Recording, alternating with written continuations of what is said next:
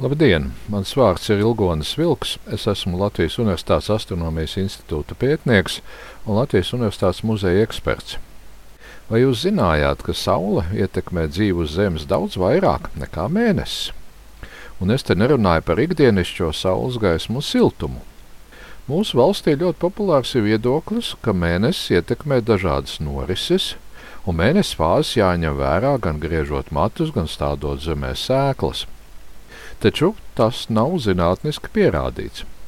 Toties ir pierādīts, ka mēnesis fāzes nav saistīts ar pašnāvību un autoavāriju skaitu, pēcoperācijas komplikācijām un citām lietām.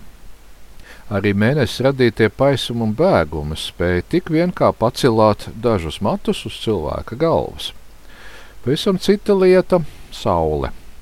Kaut arī saule ir daudz tālāka kā mēnesis, tā ir daudz kārt lielāka izstaro dažādu starojumu un izsviež daļiņas. Mans tālākais stāsts veltīts tām. Kad uz Saules notiek uzliesmojums vai izvirdums, kosmosā ar lielu ātrumu tiek izsviestas lādētas daļiņas - elektroni un protoni. No Saules visu laiku nāk daļiņu plūsma, ko sauc par Saules vēju, taču uzliesmojuma un izvirduma laikā Saules vējš kļūst spēcīgāks. Daļiņas kustas ātrāk un to ir vairāk. Paiet divas līdz trīs dienas, līdz daļiņas sasniedz Zemi. Tāpēc zinātnieki var prognozēt, kad Saule ietekmēs mūsu planētu. Kad daļiņas ir ieradušās, tās miedarbojas ar Zemes magnētisko lauku. Spēcīgas iedarbības gadījumā rodas ģeomagnētiskā vētra, kas izpaužas kā nelielas magnētiskā lauka svārstības.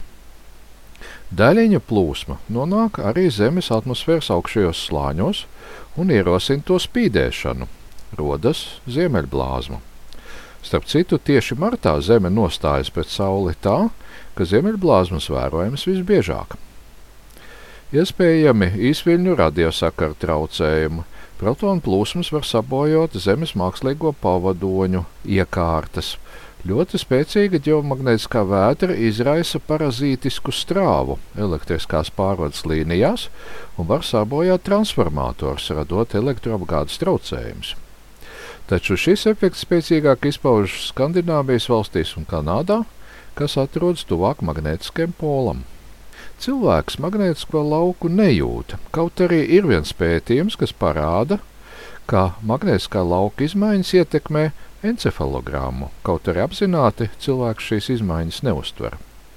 Ziņas par ģeomagnētisko vētru ietekmi uz veselību ir pretrunīgas. Ir zināms, ka tur, kur zemeļblāzmas ir bieža parādība, tuvāk zemeļpolam, 10 līdz 15% cilvēku reaģē uz magnētiskā lauka izmaiņām.